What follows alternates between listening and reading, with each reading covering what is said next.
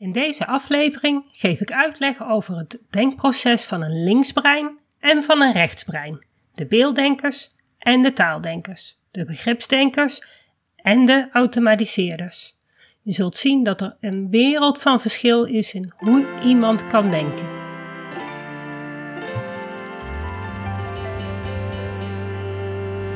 Welkom bij de Beelddenkers Podcast. Ik ben Natasja Esmeijer van Beeldig Brein en de schrijfster van het boek Beelddenkers als kwartjes vallen.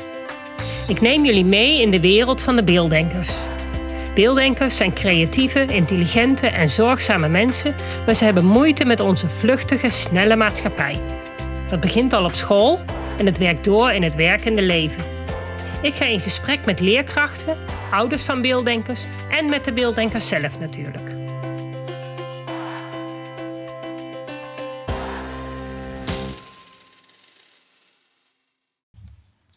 Ga jullie vandaag vertellen wat het verschil is tussen taaldenken en beelddenken. Dat verschil, dat mensen weten dat er een verschil is, maar eigenlijk het enige wat mensen over het algemeen van beelddenken weten is, oh, we denken in plaatjes, we denken in beelden, er zit wat meer gevoel bij en veel verder komt het vaak niet. Maar het is veel complexer dan dat je dat in een paar woorden kan vertellen. Ongeveer 80% van de mensen denkt in taal. Het is zo dat uh, baby's, die denken natuurlijk voornamelijk, uh, gaan, doen eigenlijk alles op gevoel, op intuïtie. Maar toch is het al ongeveer zes weken na de conceptie, of negen weken na de conceptie, is het al bepaald um, met welke hersenhelft een kind uiteindelijk gaat denken, wat de voorkeurshersenhelft is. En ook dat zie je eigenlijk in een baby alweer terug. Ongeveer 80% van de mensen denkt uiteindelijk met zijn linker hersenhelft. En ongeveer 20% van de mensen denkt met zijn rechter hersenhelft. Ik ga eerst uitleggen hoe het is als je denkt met je linker hersenhelft, de taaldenkers. Dat is ongeveer de, dat is dus de grootste groep van de mensen. Dat is ook bij alle rassen zo. Dat is door alle uh, mannen, vrouwen. Het maakt eigenlijk niet uit waar je vandaan komt, wie je bent, wat je bent. Je hebt gewoon 80% kans dat je met je rechter, uh, linker hersenhelft denkt en 20% kans dat je met je rechter hersenhelft denkt. Als jouw ouders taaldenker of beelddenker zijn, dan geeft dat wel weer een grotere kans om zelf ook een taaldenker of een beelddenker te zijn. Het komt echt voort uit je genen. Dus het wordt echt door je ouders wordt het doorgegeven. Natuurlijk heb je genen van allebei je ouders. Dus als een van je ouders een beelddenker is en de andere is een taaldenker, nou, dan is het afwachten wat bij jou de uitkomst is. Zijn allebei jouw ouders beelddenker, dan is de kans groot dat jij ook een beelddenker bent. Zijn allebei jouw ouders taaldenker, kans groot dat jij ook een taaldenker bent. Maar wat is dan het verschil? Nou zie je het verschil bij baby's nog niet zo erg. Behalve dan dat je andere, ander gedrag hebt. Uh, naar de basisschool. Dan maakt het wel degelijk uit met wat de voorkeur van de hersenhelft is. Op die leeftijd heb je namelijk toegang tot alleen jouw dominante hersenhelft. Ik ga daar in een latere podcast een keer uitgebreid op in. Maar voor nu moeten we even aannemen dat dat zo is. Dus dat maakt wel degelijk uit uh, hoe jij denkt en hoe jij dus kan leren. Ik zal jullie eerst vertellen hoe het is om als taaldenker door het leven te gaan. Dus jouw linker hersenhelft is dominant. En de linker hersenhelft, daar gaat alles op volgorde. Dat werkt vanuit details. Je kan dus ook heel goed focussen op details. Um, woorden zijn details. Die woorden die volgen ook op elkaar. En doordat je alles stap voor stap in jouw hoofd doet, is het ook fijn als lesstof stap voor stap wordt aangeboden. Dat is ook wat er op school gebeurt. Op school wordt eigenlijk elke lesstof helemaal in hele kleine stukjes en brokjes opgedeeld. En stap voor stap krijg je al die brokjes informatie krijg je toegeschoven. Je begint heel rustig met de ene letter, met de volgende letter. Dan komt er nog eens een letter bij. En langzaam maar zeker kun je dus inderdaad steeds meer en begrijp je steeds beter van oh, hoe moet je iets doen. En hier gaat het niet echt om begrijpen, hier gaat het om inoefenen. Uh, herhalen, vanuit het voorbeeld nadoen, analyseren uh, waarom je iets op een bepaalde manier moet doen en daardoor de stapjes um, je eigen maken. Dat geeft dus ook heel veel structuur in het hoofd. Omdat alles netjes op elkaar volgt, heb je veel structuur waar je gewoon heel houvast aan hebt. Je herkent patronen. Je denkt van, oh, hey, dat gaat op dezelfde manier als, als dat een ander probleem ging. Op die manier kun je dus heel logisch alle verbanden zien tussen, tussen, tussen de verschillende stapjes tijd. Tijd gaat ook uh, seconde na seconde, minuut na minuut, uur na uur. Is echt, dat is volgorde, structuur, dat volgt op elkaar. Dus logisch te begrijpen. Dus het is ook vrij makkelijk om een planning te maken. Wanneer ga ik wat doen? Oh, dat duurt zo lang. Nou, dan heb ik zoveel tijd heb tot mijn beschikking. Ik kan dat mooi opdelen.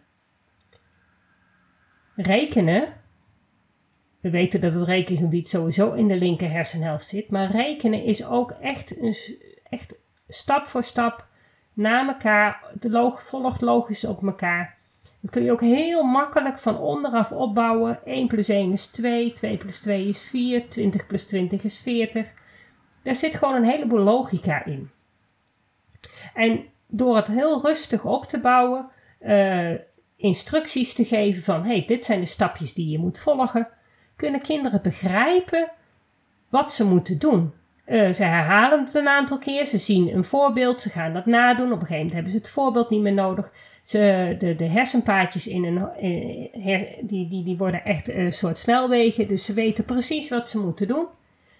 Ze vinden het ook niet erg om te oefenen, want ze merken dat ze er steeds beter in worden. Die hersenpaadjes worden steeds steviger en kunnen steeds makkelijker gevolgd worden.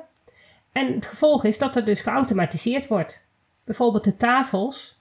Als je maar een paar keer dat draadje opgedreund hebt van die tafels, wordt het steeds makkelijker om dat te automatiseren. Het blijft gewoon hangen, dat riedeltje komt terug. Hier heeft het natuurlijk heel erg van invloed um, wat je intelligentieniveau is.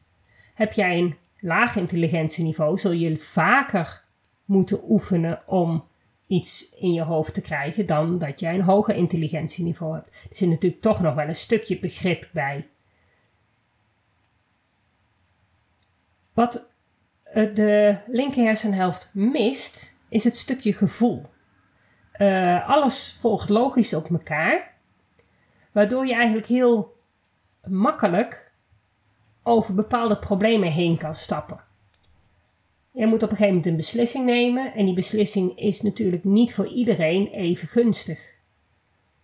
Maar doordat jij logisch nadenkt, en goed kan inschatten wat de gevolgen zijn van jouw actie. En ook de gevolgen als jij het op een andere manier zou doen, kun jij heel makkelijk um, bepaalde gevoelens uitschakelen, omdat jij weet van, nou ja, als ik het op deze manier doe, dan is het voor de grootste groep is dat de beste uitkomst, of voor mij is het de beste uitkomst. Je hoeft eigenlijk niet echt rekening te houden met de gevoelens van anderen. Uh, er kan ook een stukje onverschilligheid uit voortkomen. Jij hebt een bepaald doel en dat doel wil je bereiken en daar heb je deze, deze, deze stap voor nodig. Dat is echt puur de linker hersenhelft. Zo werkt dat ook bij kinderen. Kinderen tot een jaar of 9, 10, die zijn eigenlijk uh, heel erg egocentrisch. Zij gaan kijken wat voor hun de beste optie is. En dat klopt, want ze hebben op dat moment nog geen toegang tot de rechter hersenhelft. Zij moeten het doen met alleen de linker hersenhelft. Dat is heel fijn op school, want eigenlijk wordt alle lesstof heel rustig, heel stapsgewijs opgebouwd. Kunnen ze goed bijbenen, hebben daar weinig moeite mee, hebben dus ook nog heel veel energie over voor het sociale stuk, het uh, vriendschappen opbouwen, het, uh, het uitproberen. Hoe werkt dat met vriendschappen? Hoe hoe verover ik mijn plaatsje in de maatschappij? Dat is hoe eh, mensen met een linker hersenhelft, wat zij aan bagage mee hebben gekregen, in hun kindertijd waar ze het mee moeten doen. En dat doen ze door middel van woorden in hun hoofd. Ze, ze, ze denken in woorden. Woorden gaan achter elkaar door. Dus zij kunnen de interpunctie hebben ze ook, kunnen ze ook heel veel uh, aan hebben. De punten, de komma's, de uitroeptekens. Die zijn heel gemakkelijk. Die vertellen wat je moet doen. Dus een linker hersenhelft wil graag um, verteld worden wat het moet doen. En dat kunnen ze goed volgen en hebben weinig behoefte aan zelf nieuwe dingen bedenken. Uh, bijvoorbeeld uh, muziekinstrument bespelen. Ze gaan graag uh, oefenen. Ze beginnen bij de eerste noot, vervolgens komt de tweede noot, vervolgens komt de derde noot. En door het vaak te oefenen wordt het geautomatiseerd en kun je heel goed een muziekinstrument bespelen. De rechter hersenhelft denkt heel anders. Waar de linker hersenhelft vanuit het detail denkt, denkt een rechter hersenhelft vanuit het geheel. En het geheel betekent beelden. En een beeld betekent zien, horen, voelen, ruiken, proeven, als dat aan de orde is. Een beeld omvat alles, maar ook het gevoel. Dus als je vanuit de rechter hersenhelft denkt, ongeveer 20% van de mensen, dan zijn hele andere dingen belangrijk. Beelden bestaan uit kleuren. Die zijn dan ook heel belangrijk, kunnen ook echt gewoon van heel veel invloed zijn op een beelddenkend brein. Uh, beelden, je kunt dus heel goed uh, dingen visualiseren, omdat je juist heel makkelijk een beeld voor ogen kan halen. En elk beeld is volledig.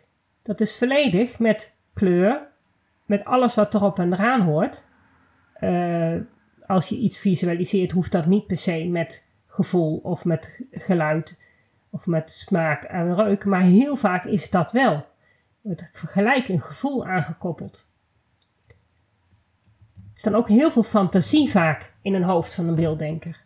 Omdat er gewoon veel beelden zijn, ja, worden, komen die ook vrij makkelijk naar boven.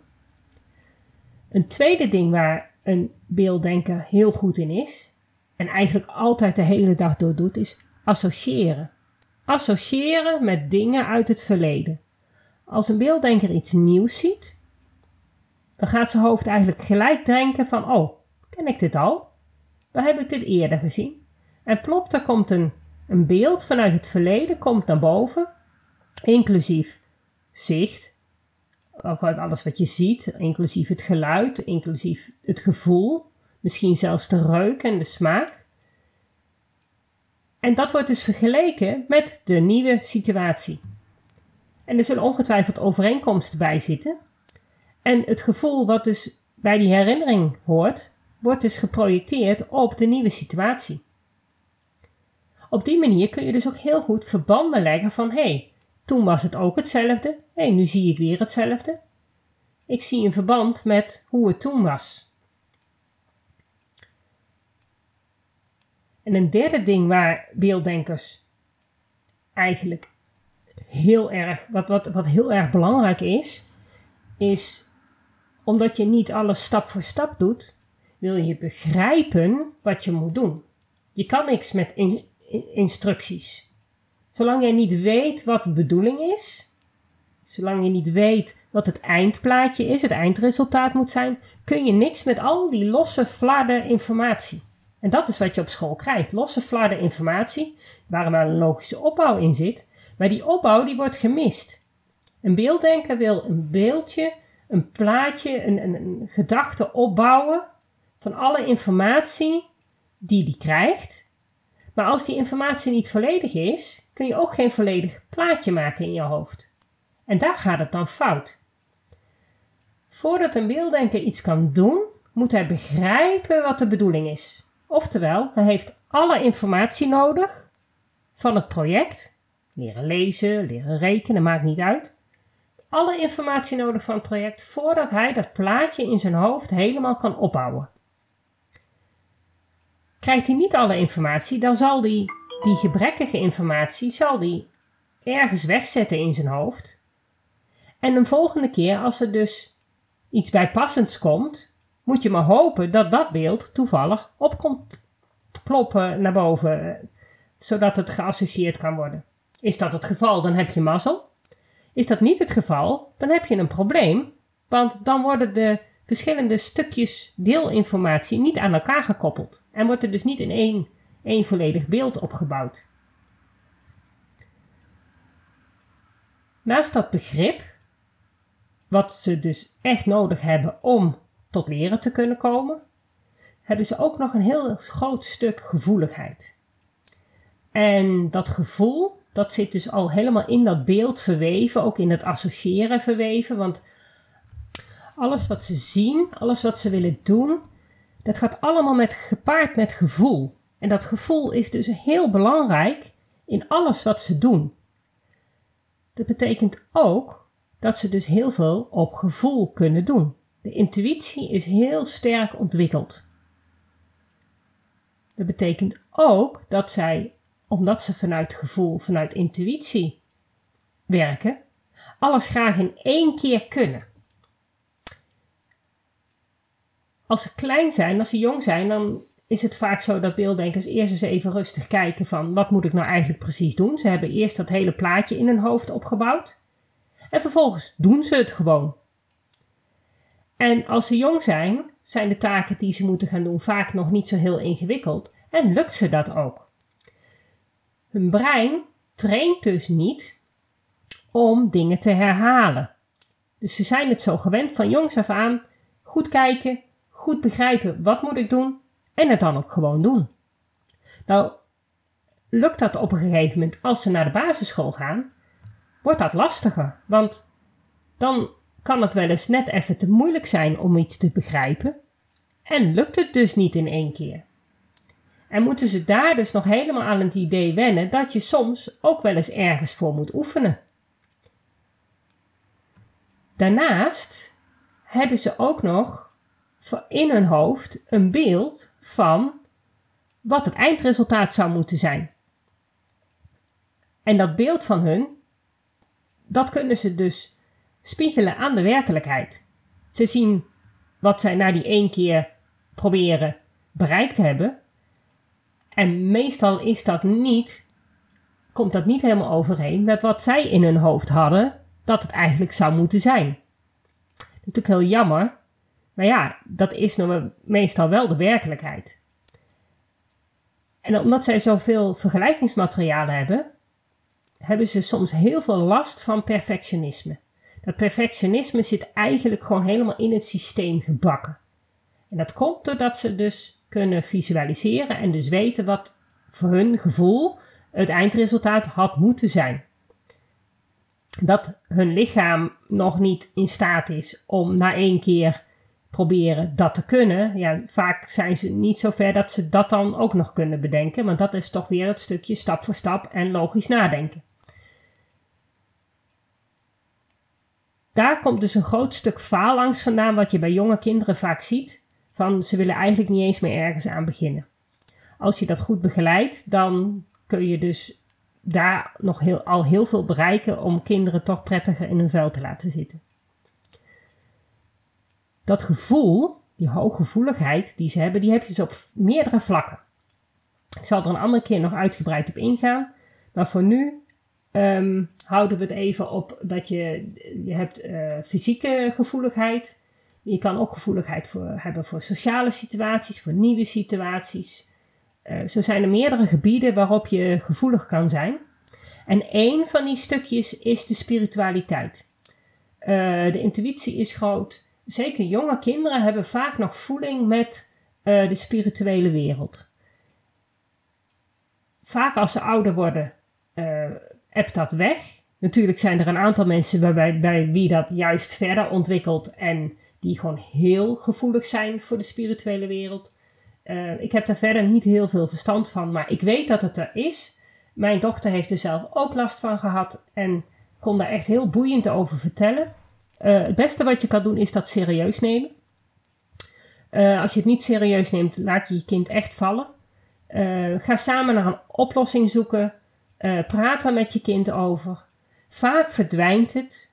Zo niet um, ga naar iemand toe die er met je kind over kan praten als je dat zelf niet kan. Maar neem het je kind in ieder geval serieus. Op zich is er niks mis mee en meestal verdwijnt het ook weer. Een stukje wat uh, ook nog met intuïtie te maken heeft, is uh, muziek spelen. We hebben gezien bij de taaldenkers dat die heel goed konden oefenen. Die konden goed noten oefenen. Nou, bij elke noot hoort een bepaalde greep. Uh, als je dat vijf keer gedaan hebt, dan kunnen jouw vingers dat onthouden en hoef je er eigenlijk niet meer over na te denken. Zo werkt dat niet bij een beelddenker. Heel veel beelddenkers, en dat zijn vaak al, jonge kinderen, die um, geef je muziekinstrument. En zeker als ze um, gevoelig zijn voor muziek, uh, hebben ze zelf al wel de melodie in hun hoofd. En ze gaan eigenlijk zelf ontdekken hoe dat muziekinstrument werkt. Misschien dat ze de, het boekje erbij pakken om te kijken hoe je een bepaalde noot moet spelen. Of hoe je bepaalde klanken eruit kan krijgen. Maar vervolgens gaan ze eigenlijk gewoon zelf uitvinden van nou, als ik uh, het zo doe, dan krijg ik deze noot. En als ik het zo doe, krijg ik die noot. En ik, dan, vaak hebben ze al het muziekje in hun hoofd. En uiteindelijk spelen ze gewoon zo de muziek zonder dat ze noten kunnen lezen. Uh, maar ze begrijpen gewoon hoe het muziekinstrument in elkaar steekt. Vaak beginnen ze met de mondharmonica. Dat is natuurlijk een heel makkelijk instrument. Kunnen ze vaak zelf uit, uitvinden hoe dat werkt. De piano gaat ook goed, een keyboard. Echt een leuke instrument waarmee ze zelf kunnen oefenen. En zelf kunnen, kunnen muziek eigen kunnen maken. En vaak hebben ze heel dat notenschrift niet nodig. Op een gegeven moment, als ze echt uh, bepaalde muziekstukken willen spelen, is het natuurlijk wel fijn dat ze wel noten kunnen lezen. Maar dan hebben ze een doel. En zodra een beelddenker een doel voor ogen heeft en een motivatie heeft waarom ze iets moeten gaan doen, waarom ze iets moeten leren, waarom er herhaald moet worden, dan willen ze het wel doen. Dan zien ze de noodzaak ervan in. En dan willen ze best wel herhalen en willen ze best wel oefenen. Alleen op het moment dat je ze zegt van, oh jij wil pianoles, je wil piano leren spelen, ik doe jou op les. Dan krijgen ze het zo mondjesmaat aangeboden dat ze niet overzien wat nou het eindresultaat moet zijn. Als je ze dus eerst het eindresultaat zelf laat uitvinden, door ze dus gewoon een muziekinstrument te geven en zoek het maar uit, ga er maar lekker mee aan de gang. En vervolgens terug gaat van, nou ja, je moet de noten leren lezen, want jij wil een moeilijk muziekstuk spelen. Dan willen ze best wel van onderaf aan al die noten even leren spelen. Maar dan is de motivatie er en dan zul je een leerling hebben die daar veel meer uh, betrokken bij is en daar ook echt zin in heeft. En waarschijnlijk heel snel door die noten heen loopt. Wat, wat met, bij heel veel hoogbegaafde kinderen opvalt. Hoogbegaafde kinderen zijn eigenlijk ook altijd beelddenkers. Um, van, van origine hoor. Het is niet zo dat ze alleen maar beelddenkers zijn. Bij hoogbegaafde kinderen is vaak de taaldenkkant ook goed ontwikkeld, waardoor ze ze juist allebei goed kunnen gebruiken. Um, waardoor het niet zo heel erg opvalt dat ze een beelddenker zijn. Maar als je goed kijkt naar de eigenschappen van een hoogbegaafd kind, zijn dat vaak de eigenschappen van, van het beelddenken. Aangevuld met eigenschappen van het taaldenken. Uh, vaak juist heel erg uitvergroot. Ze hebben vaak heel veel gevoel. Ze willen juist heel graag dingen begrijpen. Um, hebben heel veel beelden. Maar omdat ze alles goed kunnen combineren, kunnen ze ook heel snel dingen begrijpen. Dat met kinderen met een lager IQ hebben gewoon meer moeite om het plaatje compleet te krijgen. Uh, maar wat dus bij een uh, hoogbegaafd en zeker of, of, of gewoon begaafde kinderen, die, hoeven niet allemaal hoogbegaafd te zijn om, om daar al echt in op te vallen, is het rechtvaardigheidsgevoel. Het gevoel van alles moet eerlijk zijn. En dat, dat, dat, dat, dat rechtvaardigheidsgevoel komt eigenlijk voort uit een soort zelfbescherming. Doordat als zij um, zien, weten dat er regels zijn en ze zien dat mensen die regels overtreden, dan weten ze ook dat daar een soort van consequentie aan vasthangt. Die regels zijn er niet voor niks. En ze weten ook dat als iemand zich niet aan de regels houdt, er iemand boos gaat worden, uh, iemand verdrietig gaat worden, er kunnen ongelukken gebeuren. Dat zijn allemaal vervelende dingen. En eigenlijk willen ze zichzelf beschermen voor die nare gevoelens. Zo kunnen ze ook heel erg um, meevoelen met wat een ander overkomt. Als een vriendje uh, bijvoorbeeld uh, iets doet wat niet mag en die krijgt een standje van de juf, dan voelt het beelddenkende kind, die voelt zich eigenlijk plaatsvervangend vervelend. Die, die, die heeft, kan daar echt last van hebben. Dan kan het zijn dat hij het gevoel van het kind dat straf krijgt overneemt. Maar het kan ook heel goed zijn dat hij dus in zichzelf dat rechtvaardigheidsgevoel uh, terugvindt en zegt van ja, maar het, is ook, het mag ook niet, je moet je ook aan de regels houden. Ze ontzeggen zichzelf ook dingen, omdat ze gewoon zichzelf aan de regels willen houden. Als er een, een standaard regel is, zij zullen zich eraan houden. Doordat je zoveel voelt en met zoveel dingen rekening moet houden, je krijgt continu beelden, je krijgt continu associërende beelden, dus beelden uit het verleden. Je kun je begrijpen dat het best een chaos wordt in dat hoofd. Betekent ook uh, door die hooggevoeligheid. Uh, het is niet zo dat de ogen of de oren beter werken, er komen wel veel meer prikkels binnen. Er komt veel meer binnen. Dat beeld bestaat uit zoveel verschillende elementen. Het gewoon heel veel dingen waar je rekening mee moet houden. Dus een kind raakt heel snel overprikkeld. Overprikkeld of afgeleid. Als jij in de klas zit en jij moet werken en er gebeurt iets om je heen, ja, dan merk je dat op. Je bent gefocust op het geheel. Je kan je niet zo goed focussen op alleen jouw werk. Dus vandaar dat ze uh, snel afgeleid zijn. Uh, op het moment dat er dus door die afleiding een associatie naar boven komt, zie je dus weer een ander beeld en gaat je fantasie zich er misschien wel mee bemoeien. En ben je aan het dagdromen. Een van de eerste dingen die bij een kind opvallen, vooral in de kleuterklas, is dat het kinderen zijn die veel dagdromen, die veel uh, een beetje zitten te mijmeren, moeite hebben om zich te concentreren. Uh, nou ja, het rechtvaardigheidsgevoel komt snel bovendrijven, zich echt aan de regels willen houden, maar ook andere kinderen erop wijzen dat ze zich aan de regels moeten houden. Uh, kan ook erg vervelend zijn in uh, gesprekjes. Ze zeggen vaak ook direct wat ze bedoelen, wat ze voelen.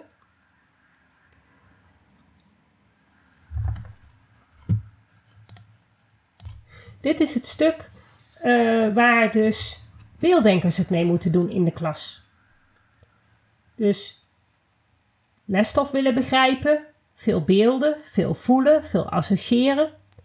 Dat is niet zoals wij lesgeven over het algemeen. Tuurlijk zijn er een aantal scholen die het uh, wel op de juiste manier doen en die daar rekening mee houden. Maar de meeste methodes die we op de basisschool hanteren, zijn heel erg van het stap voor stap opbouwen, het uh, echt structuur erin aanbrengen, uh, automatiseren van de tafels, van de rekensommen. Alles echt in, in kleine brokjes aanleveren. En daar lopen vaak uh, vooral de, de hoogbegaafdere beelddenkers, die lopen daar vaak op vast. Omdat ze te weinig informatie krijgen om echt te begrijpen wat ze moeten doen. Vaak kunnen ze wel de informatie bij elkaar sprokkelen, want hun intelligentie is hoog genoeg om heel veel dingen op te pikken. Ze kunnen heel veel compenseren. Maar toch uh, missen ze bepaalde dingen. Ze voelen zich niet altijd happy. Uh, thuis is dat natuurlijk ook het geval. Als jij een, uh, een beelddenker moet opvoeden, is dat heel anders dan een kind dat een taal denkt. taaldenkers hebben juist structuur nodig om te zorgen, die, die hebben juist nodig om te weten van, nou, dit moet ik eerst doen en dan volgt dat erop. Een beelddenker die heeft van nature helemaal geen structuur. Dus die zul je heel erg aan de hand moeten nemen. Van hoe lang iets duurt, uh, hoeveel je, hoe je dingen kan plannen. Als die de kamer op moet ruimen, komt hij zoveel tegen dat hij vaak met heel veel andere dingen bezig is. In plaats van het, het opruimen van de kamer. Uh, die zul je echt heel erg gestructureerd een, een soort stappenplannetje moeten geven van nou, je moet eerst dit doen en dan moet je daarna moet je je tanden poetsen en dan moet je nog even uh, jezelf wassen en je moet jezelf gaan aankleden, moeten we ontbijten en dan moeten we naar school. Terwijl bij een taaldenkkind, als die dat eenmaal weet, ja, dan, gaat, dan, dan volgt dat logisch op elkaar, dat is geautomatiseerd. Ik vergelijk het altijd maar met um, een rugzakje. Uh, stel je hebt uh, eh, 30 kinderen in de klas en je zegt tegen de kinderen van oh, morgen gaan we iets leuks doen. En vervolgens hebben 25 kinderen in de klas hebben hun zwembak ingepakt. Want ja, je weet het niet. En vijf kinderen hebben bergbeklimmingsspullen meegenomen. Die hebben de, de, de, de en de dikke bergschoenen aan. En vervolgens zeg jij, we gaan naar het zwembad. En in dat zwembad is natuurlijk handig als je een zwempak bij je hebt en een handdoek bij je hebt. Deze kinderen, die dus, die vijf kinderen die dus uh, de rugzak verkeerd hadden ingepakt, die, die, die redden zich best wel. Ze gaan gewoon in een onderbroek zwemmen. Als je op de basisschool zit, dan doe je daar nog niet zo moeilijk over. Alleen op het moment dat je klaar bent met zwemmen, is het toch vervelend dat je die handdoek niet hebt. Lukt ook nog wel. Je pakt gewoon je t-shirt en je droogt je daarmee af.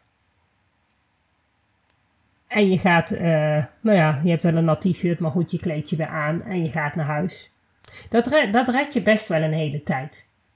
Alleen op het moment dat jij eigenlijk altijd de verkeerde spulletjes in jouw rugzak hebt. En je dus de ene keer uh, met het zwemmen je bergbeklimmingsspullen bij je hebt. En de andere keer als je gaat voetballen de, je zwempak toevallig ingepakt had dan is het lastig om dat vol te houden. Heel veel uh, kinderen die, die beelddenken, die, ja, die hebben best een goede intelligentie en kunnen dus heel veel compenseren. Oftewel, ze halen best redelijk goede scores en vallen eigenlijk niet echt door de mand dat zij uh, problemen hebben.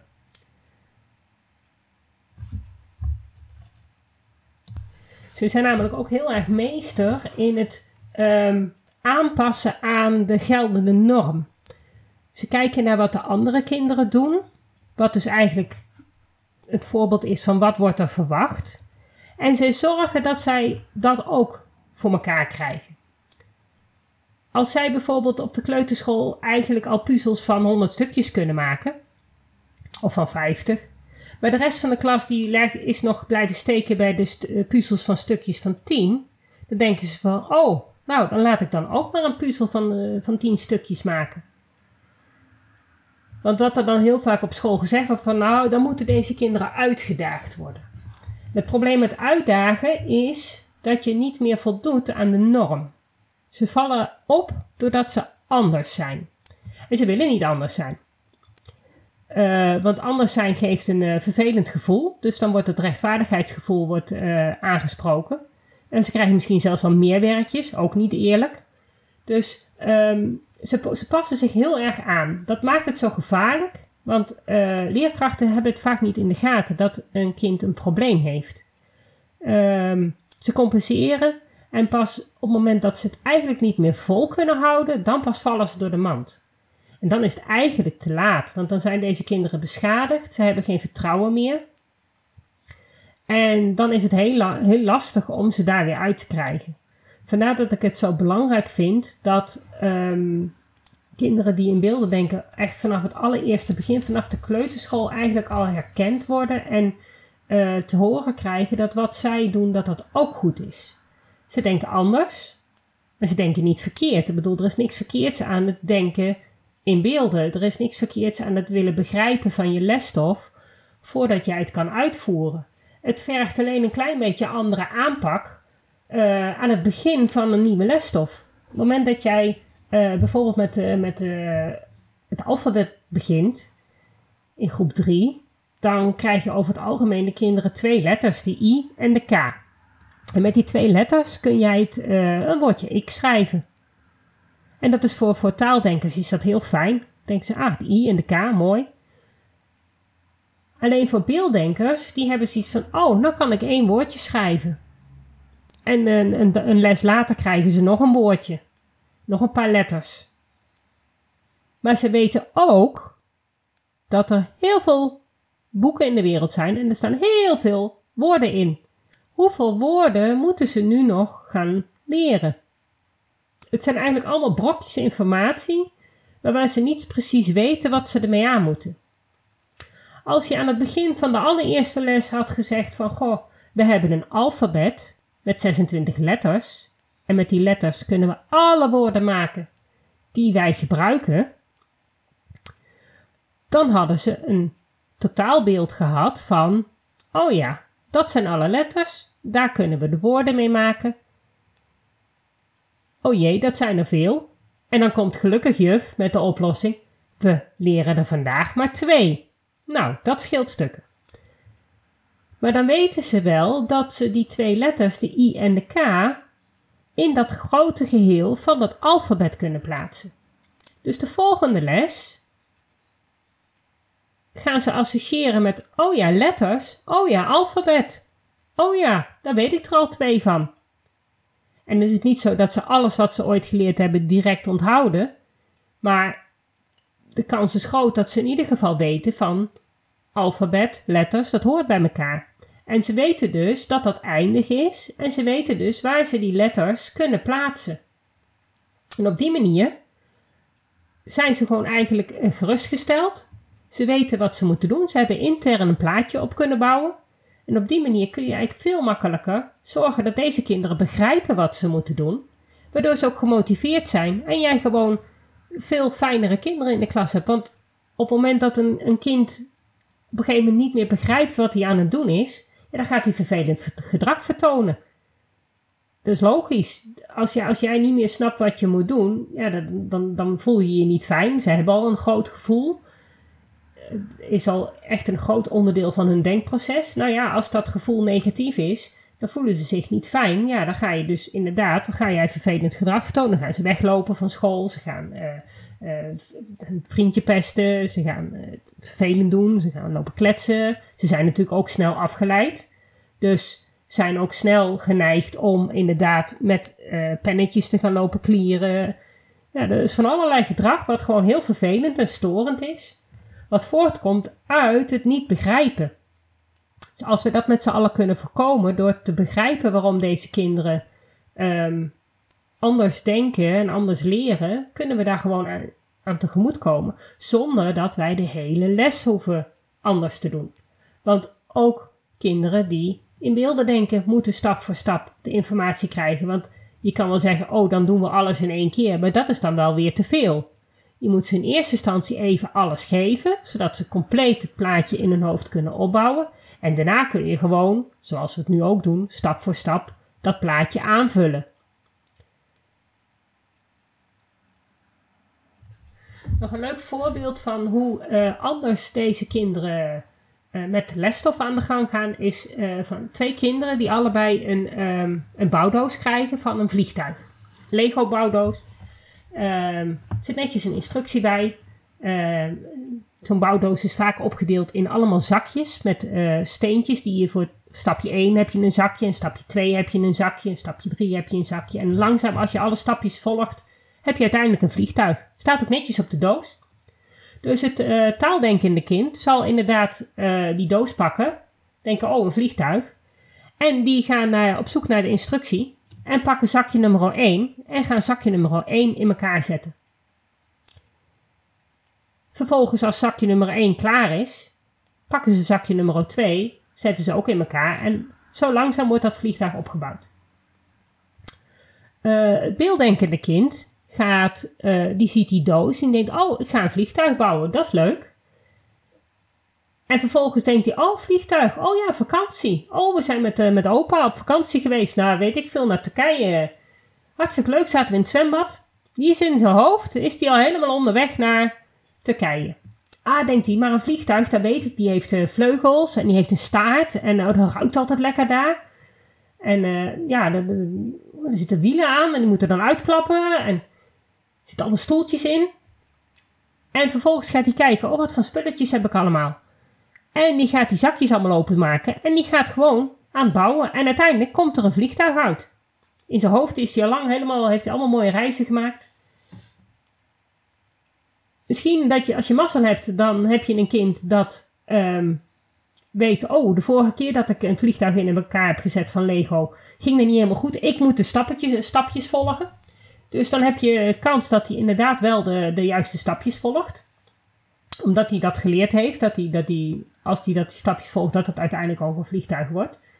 Ehm, maar je hebt een grote kans dat ze inderdaad gewoon zelf aan de gang gaan. En op het moment dat dat eerste stapje gemaakt is, willen ze dat ook niet nog een keer doen. Dat is eigenlijk wat wij in de les doen. Op het moment dat je het eerste blokje, het eerste zakje in elkaar hebt gezet, dan is dat klaar. Als een kind weet hoe die op een gegeven moment sommen op moet tellen, sommen tot 10, wil die dat niet nog 100 keer oefenen. Die andere kinderen, die willen uiteindelijk leren hoe je blindelings dat vliegtuig in elkaar kan zetten. En die leren eerst stapje zakje 1, dat doen ze gewoon 10 keer. En dan op een gegeven moment weten ze precies, oh zakje 1 moet ik op die manier, op die volgorde in elkaar zetten. Vervolgens hebben ze dat stappenplannetje niet meer nodig. Pakken ze zakje 2, gaan ze ook weer 100 keer oefenen. Dan weten ze precies hoe zakje 2 uh, eh, in elkaar werkt. Dus kunnen ze dat stapje ook toepassen. Vervolgens pakken ze zakje 3, gaan ze ook weer heel vaak oefenen. En vervolgens kunnen ze, uiteindelijk kunnen ze um, aan het eind van het jaar dat die bouwdoos van het vliegtuig zonder instructieboekje helemaal in elkaar zetten en wordt het vliegtuig zo precies als dat die op de voorkant van de doos staat. Een beelddenkend kind krijgt die zakjes wel, weet ongeveer wel wat hij moet doen, maar daar zal elke keer een ander vliegtuig uitkomen. Omdat hij niet van plan is om elke keer met zakje 1 het precies op dezelfde manier te doen. Waarom zou hij dat doen? Daar is geen reden toe. Dus zolang hij niet weet waarom hij dat moet doen, zal hij dat ook niet doen. Dus bij een beelddenker, die weet al hoe hij een vliegtuig in elkaar moet zetten. Maar dat zal niet elke keer op dezelfde manier gebeuren. Daar gaan ze vaak ook op de middelbare school de mist mee in. Want daar willen ze graag de berekening uh, bij bepaalde opgaves erbij zien. En daar krijg je namelijk ook punten voor. Het gaat er ook om dat je de juiste stappen volgt en weet hoe je een bepaalde opgave moet uitrekenen. En een beelddenker, die doet eigenlijk in zijn hoofd die stappen wel, maar niet bewust. Die gaat dat niet op papier doen. Die gaat eigenlijk intuïtief, met, via het associëren, weet hij al van, oh ja, die opgave, dat is dat antwoord. Dus die schrijft alleen het antwoord op. Uh, grote streep erdoor. Antwoord is misschien wel goed, maar ik wil de berekening zien. En die weten ze vaak niet. Doordat ze met die beelden ehm, en die associatie het steeds op een andere manier doen, krijg je gewoon geen automatiseren. En ze begrijpen wel wat ze moeten doen, maar ze kunnen niet de verschillende stapjes die dus eigenlijk nodig zijn, die, daar hebben ze vaak moeite mee. Vandaar dat ze op een gegeven moment uh, op de middelbare school daar op een gegeven moment vast kunnen lopen. Als zij al die tijd hebben kunnen compenseren, dan willen daar nog wel eens fout gaan. Dus mijn boodschap voor vandaag is: probeer te begrijpen waarom een beelddenker anders denkt en leert. En probeer daarop in te spelen.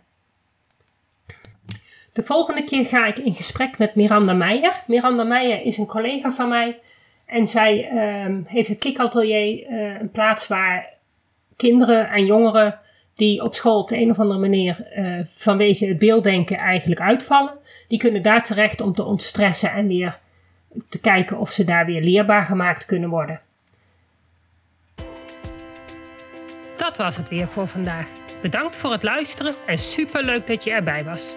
Ik hoop dat je weer een beetje meer ontdekt hebt hoe gaaf, maar ook hoe lastig het kan zijn om een beelddenker te zijn in een wereld die is ingericht voor taaldenkers. Wil je meer weten? Lees dan mijn boek Beelddenkers als kwartjes vallen. Wil je op de hoogte gehouden worden van alle informatie die ik deel over beelddenkers in het onderwijs? Klik dan op de abonneerknop in je podcast-app. Wil je dat dan meer mensen op de hoogte zijn van hoe beelddenkers anders denken? Laat dan een review achter, zodat er steeds meer mensen in beweging komen om het beelddenken serieus te nemen. Heb je nog tips of vragen? Of ben jij of je kind een beelddenker en wil jij je verhaal delen? Laat het me gerust weten. Wil je als ouder of leerkracht echt weten hoe het allemaal werkt bij je kinderen of bij jezelf? Kom dan naar een van de cursussen.